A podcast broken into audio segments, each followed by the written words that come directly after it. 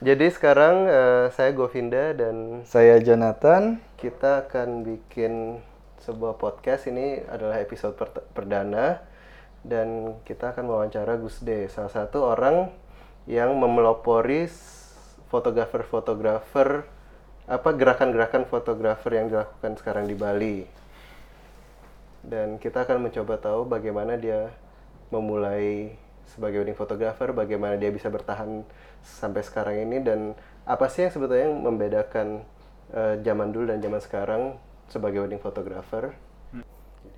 Dan ini obrolan santai dari kami. Ya. Sekarang lagi sibuk apa sih, Beli Gus? Ya kan kita datang kayaknya santai banget. Iya. Sebenarnya kalau kalau kalau ditanyain sibuk apa, aku nggak mer- pernah ngerasa sibuk banget ya gitu karena semua aku jadwal buat terjadwal dan eh, kayak weekend kalau nggak ada wedding sengaja nggak nggak nggak diisi foto gitu. Karena kayak mesti ada kita benar-benar foto eh apa ada waktu buat sama keluarga sama teman gitu. Kalau suka motoran ya paling nggak setengah harinya ada waktu buat keluarga hari minggunya setengah harinya sama teman-teman. Ya itu penting lah buat bersosialisasi sama teman-teman. Walaupun nggak sesama teman seprofesi tapi teman hobi itu kan buat kita tuh mikirnya nggak cuman ya nggak cuman foto aja ya. Ya kita mesti bergaul dan membuka pikiran kita di hal-hal yang lain. Jadi kan kita sebagai pekerja misalnya Jo di video saya di foto eh, kita sering sehari-hari itu kita berantakan nggak ada schedule-nya kan. Gimana cara beli Gus untuk mengatur apa sih yang paling penting dalam mengatur sebuah schedule biar hidup lebih teratur gitu mungkin kita Untuk seorang fotografer. atau videografer ya. Sebenarnya kan kalau semua udah punya punya kayak punya admin lah, ada yang punya manajer gitu. Ya harusnya se- kalau aku sendiri udah tahu ya punya admin. Pokoknya aku nggak mau diisi jad- jadwal bola di tanggal-tanggal tertentu. Misalnya hari libur nasional atau misalnya hari Minggu nggak mau diisiin pre-wed atau pre-shoot atau atau foto fashion atau foto magazine misalnya kalau ada kalau bisa jangan kayak gitu. Kan bener-bener teratur. Terus sama hari Senin aku nggak mau ya nggak mau ada foto. Hari Senin tuh kayaknya hari Minggu habis nyantai Senin ya masih mau agak nyantai lah paginya gitu. Baru mulai kerja Selasa Rebo boleh lah. Sabtu isin wedding ayo gitu. Tapi bukannya dari segi bisnis kaitannya sayang kalau misalnya project ditolak. sebenarnya kita nggak nolak ya. Kalau kalau dibilang menol- menolak itu kan ketika sesuatu yang nggak bisa dipindah sama sekali kemudian kita nggak mau ambil gitu loh. Tapi aku berusaha hal-hal yang kayak gitu tuh aku berusaha kalau emang ada apa eh, kayak wedding ada minggu ya udah ker- kerjain gitu. Tapi hal-hal lain aku berusaha karena dulu ngerasa banget se- sebulan itu benar-benar jadwal tuh nggak teratur. Fisik capek nggak bisa mik kayak nggak bisa mikir gitu loh. Beberapa beberapa hari kemudian kita ngerasa kayak ngerasa berat banget kalau mau mau bekerja pegang kamera itu udah udah berat banget gitu. Jadi mesti pintar ngatur jadwal eh, apa hari-hari kita Jadi setelah bisa- setelah hidup yang seperti ini lebih terasa sehat gitu. Ya sebenarnya bersih. eh, kalau dibilang sehat, sehat secara pikiran, iya juga karena ada wak- waktu benar-benar waktu ngantornya ada, waktu bergaulnya ada, waktu kerjanya ada gitu. Jadi jadi benar-benar teratur. Intinya kita kerja bukan cuman uang, gimana kita bisa menikmati hidup secara teratur aja sih. Setuju, setuju. Ya. Kan kita udah dengerin sedikit tentang kehidupan sehari-harinya Beli Gus De kan. Jadi kenapa sih bisa awalnya masuk ke dunia wedding ini? Apa yang memulainya? Sebenarnya Latar belakangnya apa ya? Belakangnya, kenapa mau milih dunia fotografi di wedding? Sebenarnya semua semua nggak ada direncanakan gitu. Hobi foto pun itu bukan hobi yang emang direncanakan gitu kan. Aku basicnya desain grafis. Dulu suka ngelukis, SMA suka ngelukis. Jadi kemudian pekerjaan yang paling dekat dengan melukis itu ada desain grafis gitu. Kebutuhan desain grafis pada saat itu apa? Kan gambar, foto gitu ya mau nggak mau mesti beli kayak beli kamera pocket lah atau apa gitu waktu itu kan masih kayak browsing gambar oh ini pakai gambar orang nggak nggak mungkin bisa dipakai ya beli kamera ya kemudian berkembang lah uh lo asik banget nih motret eh, motret gitu dari kamera pocket akhirnya em, tibalah saatnya untuk eh, motretin teman kayak gitu. Padahal itu sebenarnya nggak sengaja kan, kayak tiba-tiba eh, itu berkembang di disuruh motret lagi, suruh motret gitu. Jadi kayak menjadi wedding photographer itu sebenarnya kecelakaan sih kalau dibilangnya. Mungkin kayak kita semua sama deh. Iya. Kayak iya kalau orang baru mulai foto pasti cita-citanya bukan menjadi seorang wedding iya, photographer bukan, ya. enggak, Iya. enggak. Itu kecelakaan sih. Terus apa sih eh, dulu kayak gimana industri wedding pada zaman itu tahun berapa sih? Oh, Gila itu 2000 2004 Gov. 2004 pertama kali aku pegang kamera, kemudian di 2005 2006 itu aku udah punya D 2005 aku udah punya DSLR. Itu DSLR waktu itu kan kayak Nikon D75 D70 D70. Waktu itu kan perubahan itu masa di masa perubahan dari eh, orang motret pakai film ke digital gitu. Hmm. Jadi ada orang yang masih ego dengan kamera film.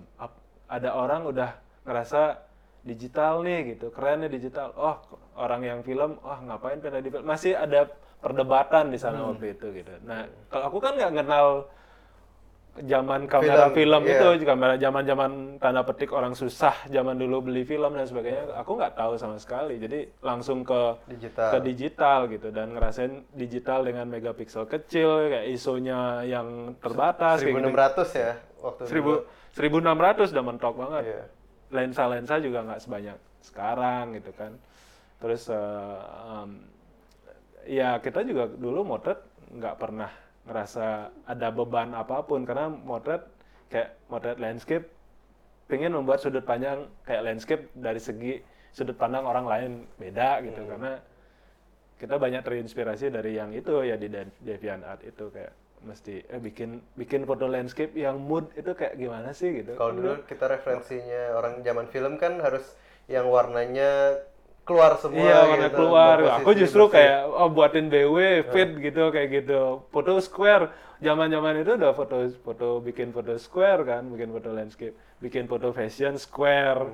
Udah kayak gitu. Warna-warnanya pun sekarang kalau aku ngelihat sekarang warna-warna Instagram sekarang itu sebenarnya warna-warna Ya, zaman zaman dulu. Iya, zaman zaman-zaman itu, zaman-zaman uh, apa uh, Deviant Art itu gitu. Karena aku ngelihat pergaulan fotografi dan beberapa seniman itu ada di sana semua gitu. Nah, lebih banyak di sana dan banyak ketemu orang gitu. Jadi sebenarnya karena Deviant itu perpaduan eh, ada ilustrator, ada pelukis, Iya, semua ada gitu. itu Kayak kita ngobrol satu. dengan banyak genre. Itu Jadi lebih terbuka ya. Iya, jadi terbuka gitu. Kalau sekarang kan kita ngobrol Instagramnya foto wedding foto, ini foto. Kalau sekarang kan kita ngobrol sesama orang sesama fotografer dan sangat spesifik ngobrolnya Iya. sama wedding fotografer aja gitu. Padahal harusnya kita ya kita berdiskusi sama siapa aja. Kayaknya itu lebih ini deh, me- lebih membuka pikiran, Membuka kita. pikiran ya, membuka wawasan Membuka kita juga. wawasan kita. gitu. Jadi Iya. kayak wedding itu ya eh, terjun di dunia wedding ya ya kecelakaan. lah. Ya, Berarti emang yang Jatuh. stylenya yang lebih modern dulu belum banyak berarti waktu Belum, tahun 2000 ya. berapa 2006 Dua- 2007. 2006 itu ya, Iya. 2006. Ya gitulah zaman Tapi orang kayak klien-klien Bligus dulu bisa nerima dengan style baru itu atau harus Karena berusaha gini lebih ya, keras atau itu sebuah Eh, udara segar gitu. Enggak, gini. Karena karena waktu itu gini, eh, justru ketika aku bikin foto-foto kayak gitu, itu emang datang orang-orang yang kayak gitu gitu loh. Hmm. Orang-orang yang datang kayak gitu gitu. Nah, karena ketika itu aku kan nggak mikirin sebuah sebuah itu adalah sebuah bisnis kok. Heeh.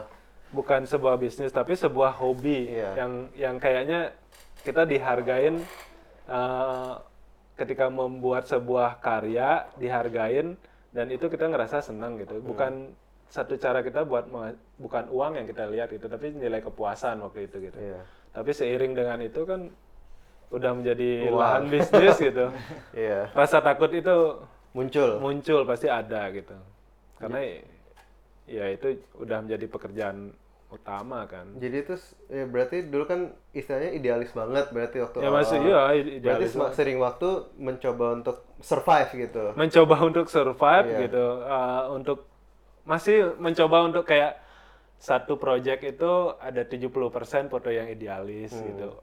Eh, mulai menempatkan 30% foto aman gitu. Iya. Mulai mikir gitu. Ya kayak gitu waktu itu kan eh, zaman-zaman itu masih kayak misalnya kayak sekarang eh, foto orang tiduran di lantai gitu. Klien-klien dulu aku itu dulu di, di apain aja mau gitu. Ke- Kenapa sekarang kayak ada klienku nggak mau digituin? Nah, itu sebenarnya jadi tanya-tanya sendiri buat aku. Kenapa ini ya klienku tiba-tiba tipenya jadi nggak nggak kayak dulu. Nggak seperti ya, aku- aku juga nggak tahu sih. Mungkin karena sering perubahan juga ya. Apa sih hambatan terbesar untuk memulai sesuatu yang baru itu, Pak? Sebenarnya hambatan terbesar itu adalah bergaul waktu itu. Jadi kayak bergaul ketemu sesama teman yang sehobi pun susah gitu. Susahnya karena nggak ada em, sosial media gitu. So- sosial medianya itu zaman itu kayak ada Itu belum belum ada Instagram ada, gitu ya? Belum Facebook. Baru ada tuh eh, blogspot. Wow. Karena kan zaman-zaman orang suka ngeblog kan, blogspot. Terus kemudian apa lagi ya? Blogspot. Ada multiply dulu namanya. Multi multiply itu sebenarnya apa ya?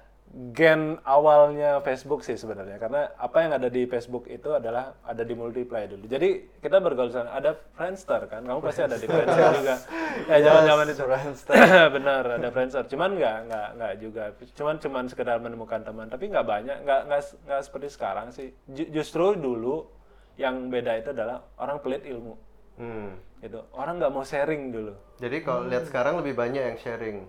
Ya banyak. Buktinya kayak gini-gini ini kan sharing sebenarnya kan. Maksudnya orang dengan sukarela mau mau sharing kan tujuannya ya memberi ilmu ya ada feedback lah gitu. Kita memberi orang ya Pasti ya saya juga ada terbuka. Ya kalau kita terjadi ya. istilahnya gini, kalau kita membuka diri orang pasti akan buka diri gitu. Kalau kita menutup diri ya pergaulan kita tertutup, ilmu-ilmu kita juga nggak akan datang ke kita gitu.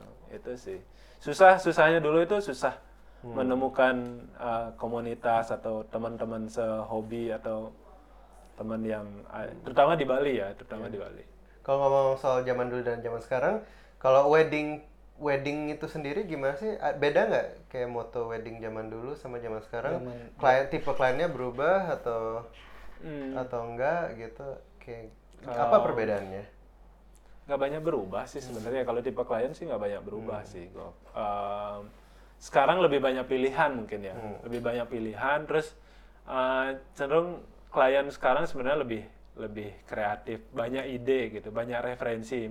Referensinya datang dari mereka referensinya datang dari dari mana-mana gitu. Klien bawa referensi maksudnya referensi sebuah wedding ya bukan referensi foto gitu. Referensi sebuah wedding itu kan banyak sekarang banyak sekali uh, wedding portal. Jadi yang membuat mereka akan uh, membawa ide-ide baru gitu. Jadi kalau zaman itu kan kayak kita datang udah weddingnya kayak gini aja Iya. gitu. Ya udah Lebih set- banyak setipe ya dulu. banyak tipe sekarang tuh weddingnya inilah um, bagus banget sih. Banyak banyak banyak Jadi hal-hal baru. kan, jadi nggak bosan gitu. Be- be- setiap wedding beda. Kalau dulu weddingnya kayak kita ngerasa nih cuman beda tempat aja gitu weddingnya gitu. Kan klien sekarang juga semakin banyaknya referensi sebenarnya mereka bisa tahu sebuah wedding itu sebenarnya kayak gini gitu. Oh bisa kayak gini oh bisa kayak gini gitu. Itu kan referensi mereka semakin sebenarnya makin luas yang membawa mereka untuk mempunyai wawasan lebih luas tentang wedding gitu. Jadi kalau zaman dulu orang oh ketawa pun nggak berani gitu takut takut wibawanya hilang kayak gitu Sekarang orang suruh nangis Iya, ya. iya. sekarang ah, kalau dulu nangis ah malu ah nangis gitu. Sekarang udah nangis sesegukan ya, ya kayak gitu gitulah. Referensi klien juga banyak gitu. Mereka udah tahu makin terbuka. Berarti kesulitannya lebih susah zaman dulu ya berarti ya. Kalau untuk demi untuk klien ya, untuk jenis klien. Kalau klien sekarang kan kayaknya lebih kalau Iya. menurut Bligus gimana? Kayak Kalau aku ngelihat jenis klien- klien. ya ya itu kayak tadi itu klien-klien sekarang mereka udah punya Referensi. referensi gitu. Melihat wedding itu lebih melihat secara luas ya gitu. Kalau dulu kan kayak wedding itu di belakang itu ada orang tuanya yang menyetir mereka gitu. Eh jangan gini eh jangan gitu. Dari gaun dan semua pun eh, itu banyak pilihan orang tua gitu. Tapi kalau sekarang kan kayak mereka lebih klien lebih mandiri semua serba mandiri semua lebih dibebasin sama sama keluarganya. Jadi wedding mereka juga jadi lebih bagus, lebih kayak lebih kekinian lah, lebih ngikutin lebih ngikutin wedding sekarang gitu loh. Oh, dulu dulu kan klien-klien weddingnya weddingnya masih kayak yang saya bilang tadi kayak disetir sama Disetir orang sama tuanya orang gitu tuanya, kan yes. ya. Begitu guys. Ya. Ternyata, Ternyata perbedaannya ya sangat signifikan ya dari zaman dulu. Beli Ya, Day lebih ini yang baik. udah menjalani beberapa dekade, berapa dekade dong, beberapa Satu dekade enggak, lebih ya, ya. ya, ya, satu dekade Satu lebih. ya, dekade satu lebih. sekarang kan juga berat kalau sekarang banyak fotografer muda menjamur juga kan ya. Iya banyak banyak banget Banyak ya, banget ya, banyak kan. banget. Kayak sekarang orang baru megang kamera lahir udah apa? Udah jadi fotografer. Ya, bukan gitu. Lah um, uh, terlahir sebagai pemilik kamera gitu. Dan dan ber- langsung bercita-cita jadi fotografer, Fotografer. wedding gitu. Dan untuk dapat uang gitu. Kalau dulu kan kita beli ya, kamera aja susah ya? Nah, beli, bener. saya dulu beli kamera bohongin istri loh, beneran. Sa- Sampai saya saking takutnya bilang sama istri, saya bilang pinjam dari ah, dari teman gitu. Eh, karena itu nggak bisa menghasilkan, karena emang saya beli bukan buat buat untuk bekerja, tapi karena buat hobi aja. Ya kayak Wow. gitu. Jadi em, kalau sekarang bedanya terutama lima empat tahun terakhir ini saya lihat sih drastis banget ya. Tapi ya kalau mungkin dalam membeli alat anak-anak zaman sekarang mungkin lebih Oh, lebih mudah. mudah, ya. Tapi untuk memulai sebuah bisnis foto, apakah menurut beli lebih mudah atau enggak di era sekarang? Atau ada Ah, plus lebih minusnya? lebih murahnya pasti, eh lebih gampangnya pasti lah. Iya. Karena kan yang sekarang semua semua semua tertuju ke sosial media gitu. Hmm. Pasti sosial media itu jadi satu poin di mana orang akan eh, memusatkan perhatiannya ke sana gitu. Hmm. Jadi jauh lebih mudah sebenarnya sekarang untuk membuat orang punya Instagram aja udah cukup sekarang gitu. Hmm. Kalau dulu pasti harus punya website dulu gitu. Terus eh, em, jadi dulu dulu agak susah untuk memang bertemu benar dengan klien itu memang memang lewat website aja gitu. Kalau sekarang kan gampang kita di DM di DM dari mana-mana kayaknya. Iya, kalau gitu menurut beli kesusahan fotografer zaman sekarang apa? Challenge untuk mereka untuk bisa Ya survive? persaingannya kan Persaingan ya, lebih ketat. Satu survive. Heeh. Survive itu susah loh gitu. Iya. Eh, kalau saya ngerasa apa yang menjadi tantangan saya sekarang ini adalah mempertahankan diri saya eksis di dunia wedding itu yang susah gitu karena Hmm. saya harus update terus harus ngelihat perkembangan, apa sih gitu kita juga nggak mau ketinggalan gitu. style pun kan terus berubah Iya. berubah bukan saya nggak bukan saya anti perubahan buat style saya kalau orang lihat foto saya zaman dulu sampai sekarang mungkin setiap tahun pun nggak bisa nggak bisa sama alat lensa itu paling berpengaruh besar terhadap ngerubah sedikit style itu kan dari lensa aja beli lensa lain aja udah beda Udah gitu terasa kayak. beda ya. udah beli kamera beda aja ini kayaknya beda ini bisa dibuatin kayak gini gitu. Kayak oh ini bisa gini gitu. Jadi jadi sekarang challenge-nya ada buat yang baru-baru pasti ya bisa nggak bertahan? Menurut minimal 10 tahun lah gitu. Menurut beli apa sih yang membuat bertahan itu selain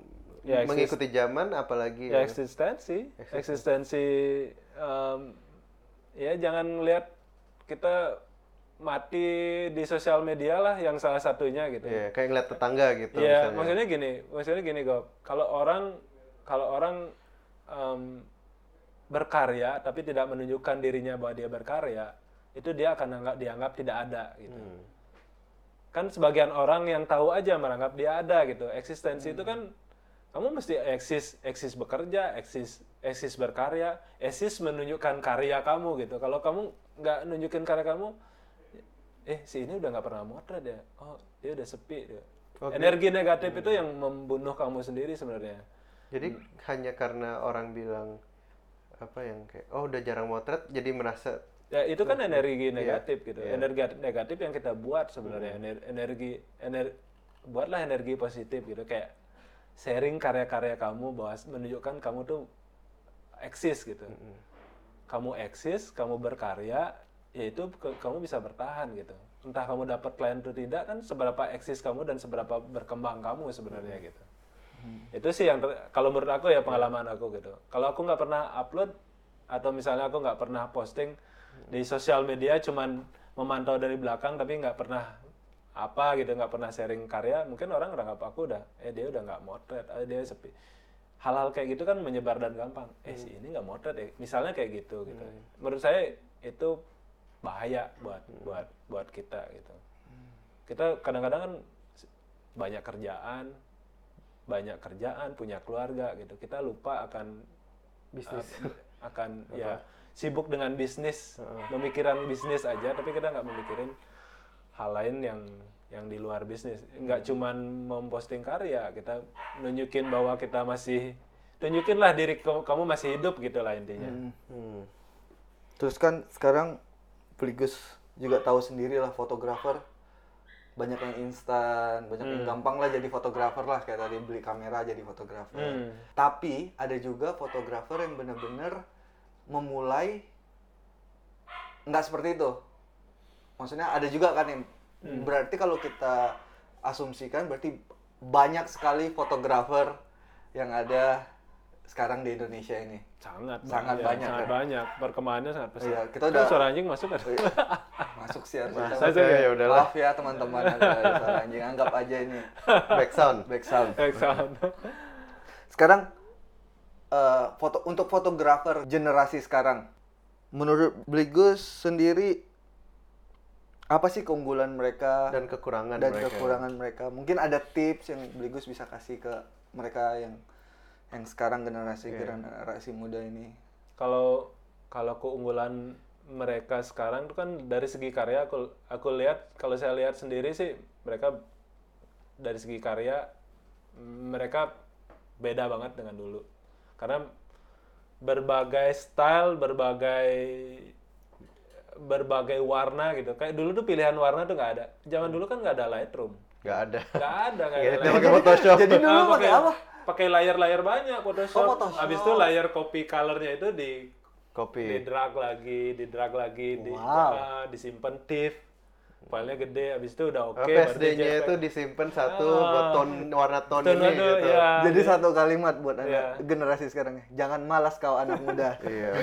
Eh zaman dulu ada saya juga masih kena ya. Oh, masih kena masih ya? kena kan? Iya, Iya, masih masih, kena. tahu kan. tahun 2013 lah baru Iya. ngerti Visco itu baru Iya, masuk. masih itu, Iya. Visco baru masuk, masih ada. Waktu waktu dulu di saya ma- Iya. masih pakai Photoshop kan. Masih layar-layar gitu. Oh, nih. Jadi i- tahu persis ngeditnya kayak apa. Tinggal di copy, di copy, di copy. Kerjanya satu dulu kerjanya lama. Karena ya gitu, nggak didukung, nggak disupport uh, sama apa kayak kayak software terus uh, soft, um, kayak preset dan apa sebagainya itu nggak ada gitu kan.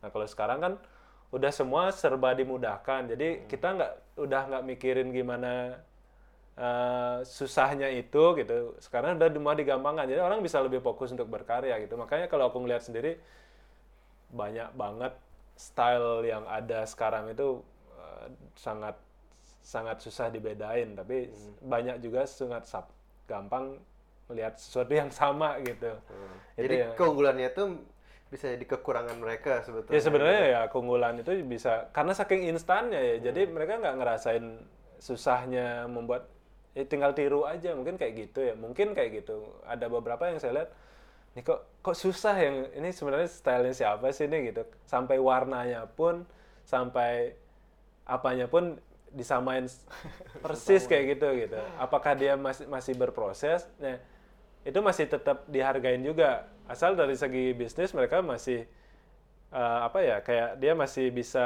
menempatkan dirinya dari segi bisnis. Tapi kalau kalau dari style kan nggak bisa disalahin juga ada orang ngopi. Itu nggak nggak nggak bisa disalahin. Selama itu bu- dia nggak mengakui bahwa original karyanya dia gitu. Tapi ketika itu menjadi kemudian dia ngerasa seiring berjalan mereka pasti berubah. Kecuali mereka nggak berubah-ubah. Jadi pemain di nempel nempel terus. Jadi Berarti kayak si A jadi pengikut si A gitu. ya jadi pengikut si A terus gitu ya. Nggak nggak nggak berubah gitu. It- itu yang disayangkan. Sebenarnya begitu mereka ka- semua orang juga mau mulai foto pasti udah punya re- referensi. Referensi itu kalau berat aku dulu zaman dulu referensi itu cuman tahu seberapa hebat si kekuatan ini yang bisa kita apa ya kita kita kita dampingin gitu kita kita tuju gitu. Ketika kita udah tahu, oh bikin foto ini cuman kayak gini. Oh berarti abis itu kita harus di atasnya lagi. Kayak gitu kalau dulu gitu. Jadi mikirnya bukan buat kita copy tapi kita buat menguji kekuatan kita bisa nggak sih kita bikin foto kayak oh ternyata karena kita pemula kan Kalau- tapi kalau selama terus terusan kayak gitu ya yang eh jangan lah kayak gitu Jadi tips buat mereka apa nih? tipsnya jadi diri sendiri aja ya gitu. Gitu ya, Amal simple ya ya. simple aja sebenarnya eh, temukan style sendiri apa yang kamu suka, apa yang kamu lakukan sekarang nggak ada yang benar yang nggak ada yang salah gitu. Eh, klien itu akan datang sendiri gitu. Karena market ini kan luas banget, nggak harus sama si ini, nggak harus sama si ini gitu.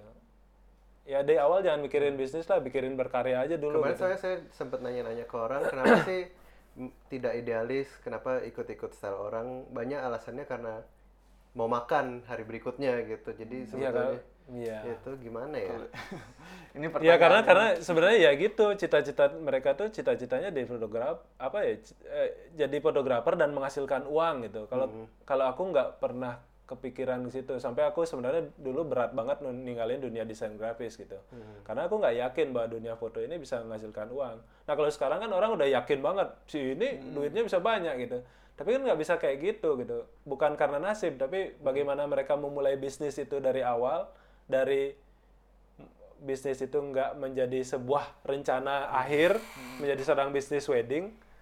Tapi sebenarnya eh, apa yang kamu lakukan bahwa berkaryalah gitu. Kalau memang uang itu adalah bonus dari sebuah karya gitu. Intinya gitu sih kalau menurut aku. Karena jadi wedding photographer kemudian kamu dihargai dengan nilai uang nah itu bonus gitu It- menurut aku sih gitu karena itu yang aku alamin ya Berarti orang-orang yang masuk ke dunia wedding berharap untuk langsung dapat uang, Mhm. belum tentu ya belum berhasil ya, belum tentu berhasil sebenarnya karena Jadi kalau mereka nggak- ya, karena mereka nggak bebas berkarya tapi ber- di- diikat dengan uang yang menjadi tujuan dia Tujuan gitu loh. akhirnya ya. kalau sepe- ya kalau zaman dulu kan lebih ke hobi jadi Iya lebih ke hobi. Kalau kemudian itu menjadi bisnis, itu kan bonus dari dari idealisme yang udah kita jalanin gitu loh. Ya.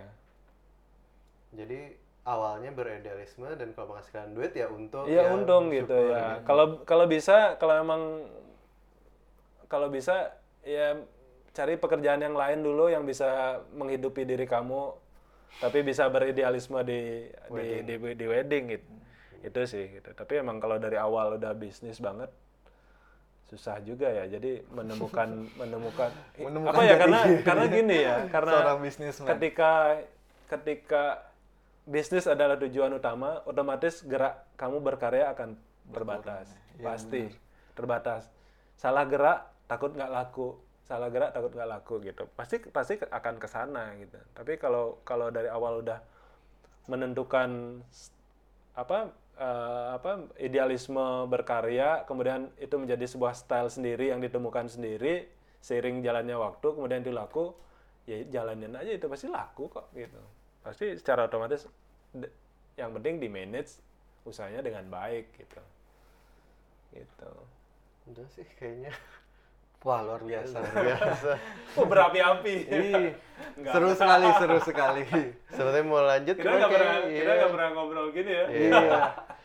Nah sebenarnya obrolan santai ini bisa membuka pikiran kita semua baik eh, se- fotografer, iya. videografer yang di dunia wedding.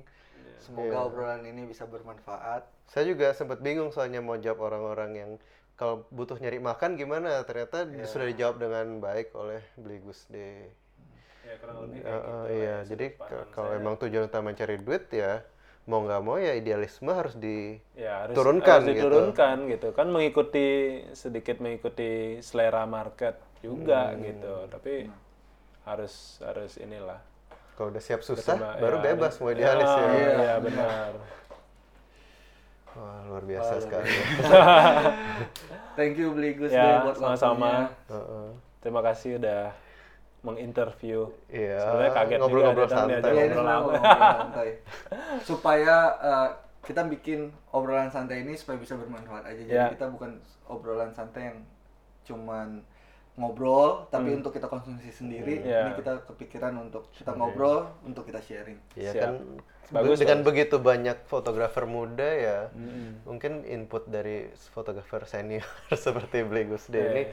sangat bermanfaat. Berdampak ya, Berda- Semoga bisa berdampak buat mereka juga. Jadi jadi mikir lagi nih, saya berkarya tuh buat uang atau hobi gitu. Hmm. Begitu. Hmm. Thank you ya Bli Thank Gusde you buat ya. waktunya Sama-sama. Makasih udah datang.